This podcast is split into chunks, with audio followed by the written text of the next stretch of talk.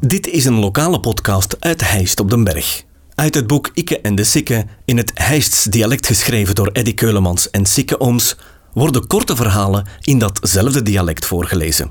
Dit vertelselke werd ingesproken door Eddy Keulemans. Die van de stad. Ik ben drie naar Antwerpen naar de hogeschool geweest. Op de Pierremet. Daar werd ik in het begin alles behalve beleefd ontvangen door die dikke nekken van de stad. Dan vroegen ze, van waar zarig ga? Den Barg? Waar leidt dat?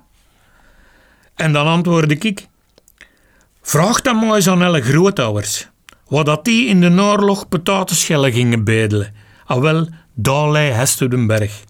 En dan viel alle bakkes in Jons vanzelf toe. Deze podcast kwam tot stand dankzij Huisdresselaars en Tropical. Volg de podcast op Facebook. Reageren kan je via de website ditishijst.be slash ikke en de of ikkeendesikke.be.